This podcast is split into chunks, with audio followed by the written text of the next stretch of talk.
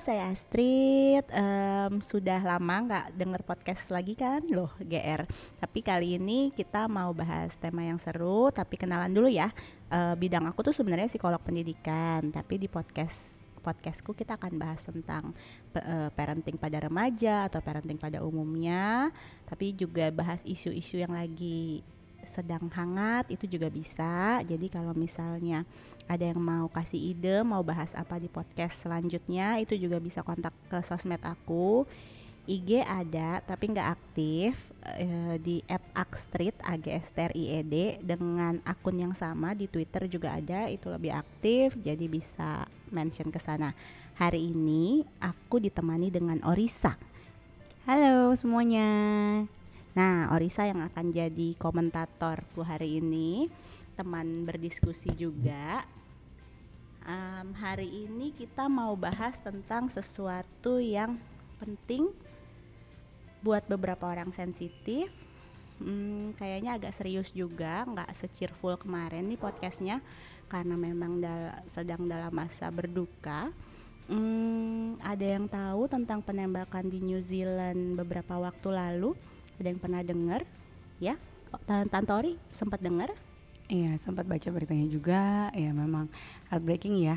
Ya, ini kejadian berulang sih yang sudah beberapa kali terjadi sebenarnya, bukan hanya di situ. Jadi, kadang kalau udah dengar berita seperti itu yang bawaannya kayak ya where is the love-nya gitu kan ya, lo mempertanyakan Where's itu sebenarnya where gitu is ya? the humanity dan ya kadang jadi merasa hopeless atau merasa apa. Nah, tapi itu sebenarnya kita nggak mau kita juga tidak mau membuat orang merasa tidak berdaya sih gitu jadi paling nggak apa sih yang sebenarnya nih bisa kita lakukan gitu kan oke okay.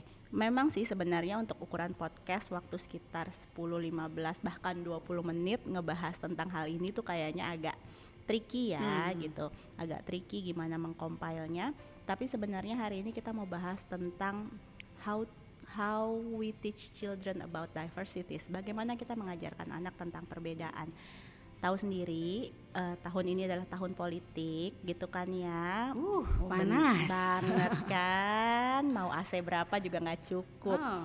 Tiap buka sosmed kayaknya panas membara. Uh, toleransi semakin uh, semakin menurun orang hanya dibagi menjadi berdasarkan lu pilih siapa mm -hmm. gitu ya manusia itu makhluk yang kompleks loh. Jadi kalau kalian dibagi hanya menjadi berdasarkan lo pilih siapa, jangan mau. Betul itu baru. Dibanding sedih bilangnya jangan mau ya. Jangan mau, hmm. jangan mau, tolak. Manusia bukan hanya sekedar bong atau pret. Mm-hmm. Ya kan? Banyak banget aspek kita ya. Nah, kita mau bahas bagaimana tentang uh, bagaimana cara mengenalkan diversity ke anak supaya anak gak kaget dengan perbedaan. Karena actually perbedaan itu adalah sesuatu yang tidak bisa kita hindari ya nggak sih Tante Ori? Dari lahir dari bahkan ya. lahir ya? bahkan anak kembar pun tidak ada yang identik sama persis ya kan gitu jadi kebayang nggak kalau misalnya anak kita tidak siap dengan perbedaan padahal dunia semakin berubah semakin mengencourage orang untuk bekerja sama berkolaborasi mm -hmm. tanpa melihat batasan maka anak-anak kita menjadi anak-anak yang tanda kutip suka nggak suka tertinggal gitu ya jadinya dibanding tuntutan dunia. Kita nggak hmm. pengen kayak gitu. Dan tentu saja ketika kita punya anak coba aku mau tanya deh tante Ori ketika punya anak harapannya ke anak apa sih? Harapannya oke. Okay, harapannya sih sebenarnya uh, ya dia bisa menjadi anak yang sebenarnya uh, satu sih pasti bertumbuh kembang dengan baik ya. Kedua adalah dia bisa bermanfaat dan sebenarnya considerate sih sama dunia sekelilingnya. Jadi bukan hanya memikirkan tentang dirinya, tapi juga memikirkan orang lain. Nah, memikirkan orang lain ini dalam arti ya kalaupun belum bisa yang membuat sesuatu gitu ya, paling enggak jangan buat dunia tempat yang lebih jadi lebih tempat yang lebih buruk jadi gitu lebih ya? buruk gitulah paling enggak ya kita bisa bergandengan tangan hidup sama-sama it's mm -hmm. menurut gue itu udah cukup gitu iya kalau aku sih sebenarnya ketika aku sebenarnya kan agak oh mau punya anak di dunia yang semakin tidak ramah anak gitu ya. Apa sih tujuannya gitu? Well dunia memang tidak sempurna hidup tidak sempurna so we hopefully we raise our children to make the world better. Mm-hmm. Gitu kan ya. Nggak nggak yang nggak yang muluk-muluk nggak yang muluk-muluk Well, ya make the world better itu cuma untuk satu orang lalu membuat orang itu tersenyum seharian itu make the world better loh gitu ya. Nah oke balik ke pembahasan nih bagaimana cara mengajarkan perbedaan ke anak. Satu yang jelas kita harus buat anak sadar bahwa perbedaan itu bukan sesuatu yang besar nggak harus dibesar-besarkan karena memang semua orang beda setiap Hmm. situasi beda. Hmm. Apa pun itu perbedaan itu hal yang natural memang ada di situ gitu Eh, bahkan anak-anak sendiri mereka awalnya punya identitas pribadi itu dari mengamati perbedaan dengan orang sekitar Hmm. jadi kalau misalnya aku baca-baca nih Tante Ori dari mereka umur 18 bulan tuh Mhm. anak sudah bisa oh itu mama papa orang besar Hmm. Oh aku anak-anak. Ya mereka observasi dari mana sih perbedaan? Hmm. oh ada bedanya nih aku sama mama papa gitu kan ya. Kemudian semakin besar semakin kompleks yang bisa mereka lihat tentu saja. Oh rambut aku lurus rambut temenku nggak lurus nih namanya keriting ternyata gitu. Oh warna kulitku begini warna kulitku mirip kayak papa warna kulit mama miripnya sama oma gitu. Gedean lagi mungkin laki-laki perempuan laki-laki mereka udah atau perempuan Oke. mereka sudah mulai bisa gitu ya. Jadi sebenarnya anak punya identitas pribadi awalnya dari tahu bahwa setiap orang berbeda Hmm. gitu jadi ketika kita berusaha menghapus perbedaan atau justru udah jangan diungkit-ungkit tentang perbedaan kita justru membuat anak kita kehilangan cara untuk mengidentifikasikan dirinya di tengah dunia Padahal mengenal diri itu ya sangat penting untuk Modal ke depannya kan dong, modal buat gitu, semuanya menentukan iya. apa yang kita mau, apa yang kita Betul. bisa, apa yang sebenarnya ya kita em, ya tentang diri lah gitu ya. Hmm, Jadi gitu. sebenarnya itu awalnya justru dengan eh, mengenal perbedaan melihat tadi. perbedaan Hmm. yang ada di sekitar. Oke. Jadi justru semakin anak di sekitarnya dikelilingi oleh orang-orang yang berbeda, jenis Mhm. orang yang macam-macam, mereka semakin punya akar yang kuat tentang Oke. siapa mereka sebenarnya, Mhm. gitu. Contoh nih, misalnya, hmm, aku misalnya keluarga tuh tuh kebetulan em, campur aduk banget nih Hmm. ya. Kalau misalnya dibilang dari suku, mamahku sama papaku udah beda suku. Kemudian dari agama, hmm, keluarga kandung mamahku itu ada tiga agama berbeda. Oke. Iya, seru lah ya. Terus habis itu dari bahasa daerah, papaku itu orang Sulawesi yang lahir di Ambon, besar di Purwakarta. Menarik banget tante. Nah, kan ya. Jadi dari segi eh, kebinekaan aku Hmm. sangat mengapresiasi itu. Jadi tuh ada eh, kalau misalnya tiap hari besar tuh aku tuh ngerasain yang namanya sungkem pas lebaran, Hmm. em, misa di malam Natal, sekaligus dapat angpau diimlekan Hmm, gitu dan itu kan. fine fine aja I'm ya. fine with that gitu. Jadi along aku tahu semuanya. bahwa aku tidak ikut imlekan Mhm. misalnya. Jadi dan tidak ada masalah dengan itu melihat orang mau eh, imlekan atau lebaran atau natalan. Ketika aku memang tidak merayakan itu ya secara jati diri aku tidak bergeser kok. Nah, mungkin itu yang kadang-kadang uh, mungkin sebagian orang tua merasa em, bingung atau merasa cemas atau merasa takut kalau misalnya ya kita kan ingin tentu setiap orang tua ingin mendidik anaknya berdasarkan value keluarga. Hmm, misalnya ya betul. kalau misalnya keluarganya dari keluarga muslim ya ingin em, identitasnya sebagai Hmm. muslim, prakteknya maksudnya ibadahnya dengan cara muslim dan sebagainya. Cuma atau misalnya eh, tapi ada kekhawatiran nih kalau misalnya ntar temenan sama yang non muslim nanti jadi eh, ikut-ikutan gitu. Jadi eh, nggak mau. Jadi mendingan ikut aja deh kan katanya modeling nih. Anak harus dikenalkan sama modelingnya kan gitu. Jadi eh, kadang ketakutan nanti ikut-ikutan gitu. Itu yang dan itu pernah aku alamin sendiri nih. Misalnya eh, di itu sekolah ketika lagi ngobrol-ngobrol tiba-tiba iya aku nggak mau temenan sama dia.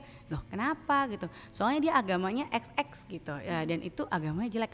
Kaget sih gitu untuk ah anak TK waktu itu udah bisa ngomong seperti itu gitu. Entah mungkin ya tanpa disadari entah dari lingkungan siapanya lah yang menanamkan pikiran seperti itu. Nah cuma kan mungkin berakarnya dari kecemasan orang tua tadi itu gimana? Oke. Jadi sebenarnya ketika value di rumah, sebenarnya ketika value di rumah sudah cukup kuat, kita menanamkan dengan baik, banyak baca buku, kemudian di rumah semua orang mempraktekkan dengan baik, mau ketemu orang di luaran seperti apa pun anak tidak akan terpengaruh sih, Hmm. karena mereka tahu value yang paling penting identitas saya itu yang ini Hmm. gitu sama misalnya nih eh, identitasnya adalah misalnya eh, perempuan ya mau sekitarnya laki-laki mungkin agak tomboy sedikit tapi nggak akan mengubah jati dirinya sendiri itu jati dirinya itu tertanam langsung ke dalam dirinya ketika kita mengajarkan uh, value-value di keluarga tapi serem nggak sih kalau misalnya kita hanya berharap anak kita survive ketika kita kelilingi dia dengan orang-orang dari latar belakang yang sama sementara dunia tidak iya, seperti itu. Terus gitu ya. kalau misalnya tiba-tiba dia dapat beasiswa ke luar negeri gitu di mana hmm. orang-orangnya yang sangat berbeda, terus kita mau gimana? Masa kita mau anak kita berpikir oh karena saya sedikit berarti saya yang salah? Hmm. Nggak pengen dong anak kita ber, uh, punya pikiran seperti itu gitu ya. Hmm. Justru ketika kita kan kenalkan eh lihat deh yang ini berdoanya begini yang ini kita di kelas gitu ya, berdoanya ke sini yang ini tangannya begini tapi kamu berdoanya begini hmm, deh dong main anak-anak nggak akan mikir yang macem-macem sih. Sebenarnya yang mikir macem-macem itu orang dewasa sekali lagi gitu. Nah banyak yang tanya gimana sih tante caranya mengajar supaya value berbeda itu nggak apa-apa kok? Itu tertanam di anak-anak. Ya anak itu sekali lagi adalah observan yang sangat jitu gitu ya. Jadi kalau orang tua punya prasangka-prasangka yang tidak terkatakan sebenarnya kita nggak ngomong itu mereka bisa ngeh loh. Jadi kita sendiri juga harus menyadari apakah kita punya prasangka terhadap orang lain? Nggak usah gini setiap orang punya prasangka masing-masing. Uh, itu manusiawi.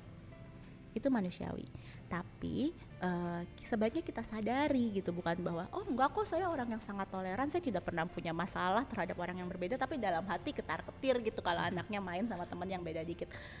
Sebaiknya justru diakui gitu bahwa uh, saya nggak nyaman sih kalau misalnya anak saya begini tapi saya tahu itu salah. Lebih baik seperti itu hmm. sehingga kita tahu apa yang harus kita cegah dari diri kita. Instead of enggak I'm a good people I'm a good person nggak pernah punya pikiran yang macam-macam. Justru sebaiknya Jadi diakui. prasangka itu sebenarnya salah satu hal yang wajar dan sebenarnya at some point kita punya prasangka dan membentengi diri dari orang yang berbeda atau hal yang berbeda itu sebenarnya wajar ya. Itu, itu survival instinct iya, juga ya. survival instinct. Uh, pada awalnya prasangka itu adalah alat bertahan hidup. Hmm. Bayangkan kalau anak ketemu orang asing, orang yang sama sekali tidak pernah mereka lihat wujud eh, sebelumnya gitu ya. Terus mereka iya iya aja hmm. itu kan menjadi bahaya ya tapi justru dengan punya prasangka oh orang asing itu bahaya oh orang asing itu nggak mm, boleh deket-deket aku mereka hmm. belajar untuk membentengi diri hmm. tapi semakin besar kita kan punya wawasan punya pengetahuan punya pengalaman yang lebih kaya hmm. maka prasangka-prasangka itu akan akan luntur dengan sendirinya digantikan dengan pengalaman bela kita belajar dari pengalaman okay. gitu jadi kalau misalnya nih kalau kita nonton film tuh kesannya yang mukanya serem badannya besar hmm. kulitnya gelap itu adalah yang jahat gitu ya ya anak-anak akan punya prasangka demikian tapi semakin besar ketika mereka temui orang yang oh ternyata om yang ini meskipun badannya besar kulitnya gelap mukanya serem e, rambutnya botak ternyata baik-baik aja kok gitu. Itu kan anak belajar dari pengalaman. Kita pun sebagai orang dewasa juga jangan menutup diri bahwa oh pokoknya kalau orang dari suku ini tuh pasti begini deh kalau diajak ngomong hmm. eh tapi ternyata lama kelamaan asik ya ngobrolnya enak nyambung ya udah gitu jangan jangan akhirnya kita berdasarkan prasangka aja menutup diri dari yang lain gitu okay. hmm. jadi sebenarnya value menghargai keberbedaan itu bisa dimulai dari rumah gitu ya menyadari bahwa setiap orang berbeda bahkan antar anggota keluarga di celebrate every little things yang mereka berbeda. Si kakak sukanya makan soto si adik sukanya makan bubur ya, ayam. Iya nggak apa-apa. Tim bubur aduk tim bubur hmm. nggak aduk ya nggak apa-apa gitu kan ya. Semua orang punya cara hidup sendiri-sendiri. Lalu pakemnya di mana kan pagernya di mana? Ya, di mana? ya pagernya adalah apakah orang tersebut menyakiti saya atau tidak saya menyakiti orang tersebut atau tidak. Kan pagernya selalu di situ. Perbedaan jadi sebenarnya mungkin kalau misalnya kita perbedaan itu oke. Okay. e, ketika orang berbeda itu bukan berarti dia ada yang lebih baik atau yang dia lebih buruk dari yang hmm. lain gitu ya. Ya memang hanya berbeda aja. Kayak mungkin tadi yang satu e, selera lah ya. Suka makan apa suka nonton apa atau misalnya ya tadi agamanya apa dan apa pun itu. Cuma e, bottom lainnya kita memilih ingin berteman atau ingin berinteraksi dengan siapa bukan karena sebatas karakteristik itu tapi lebih bagaimana dia memperlakukan orang lain. Apakah dia melakukan hal baik atau hal buruk gitu Betul, sebenarnya ya. Iya. Jadi bottom line-nya adalah bagaimana kita memperlakukan sesama kita manusia. Hmm, Karena before we everything else we are human yes gitu. Jadi sebelum kita punya sukunya apa, sebelum kita latar belakang pendidikannya apa, sebelum kita sukanya bubur diaduk atau enggak, Hmm. pada dasarnya kita manusia. Dan kita harus memperlakukan sesama kita secara manusiawi. Dan semoga dengan semakin banyak em, mungkin kita sebagai orang tua gitu ya yang yang punya em, pemikiran yang sama, yang punya value yang sama, yaitu ya kita berkontribusi juga membuat em, apa ya ya tadi tempat lingkungan dunia kita tuh lebih baik dengan kita tidak menanamkan benih-benih prasangka dan kebencian yang kadang sedih banget mungkin anak ini nggak saling ngerti tapi karena udah ketanam sendiri aja lama-lama ya tadi membentengi diri tanpa sengaja gitu ya. Hmm, gitu. Jadi sekali lagi turut berduka untuk apa yang terjadi di New Zealand. Semoga tidak akan pernah terjadi lagi di dunia ini hal-hal seperti itu. Aduh sedih banget deh. Tapi yang jelas kita bisa memulai mendidik anak kita untuk membuat dunia menjadi lebih baik dan membuat dunia dan anak-anak kita menjadi lebih manusiawi. Oke, semoga nggak ke- kejadian lagi. Kita sampai sini dulu ya podcastnya. Kapan-kapan kita sambung lagi. Jangan lupa eh, kalau mau sharing tentang mengajarkan diversity pada anak bisa eh, tag aku, tag Rumah Dandelion di @rumah.dandelion, eh, masukin juga hashtag parentsync P A R E N T S Y N C gitu ya. Eh, supaya kita lebih sinkronis dalam mendidik anak, eh, sinkronis dalam menjadi manusia. Oke, sampai ketemu lagi. Bye bye.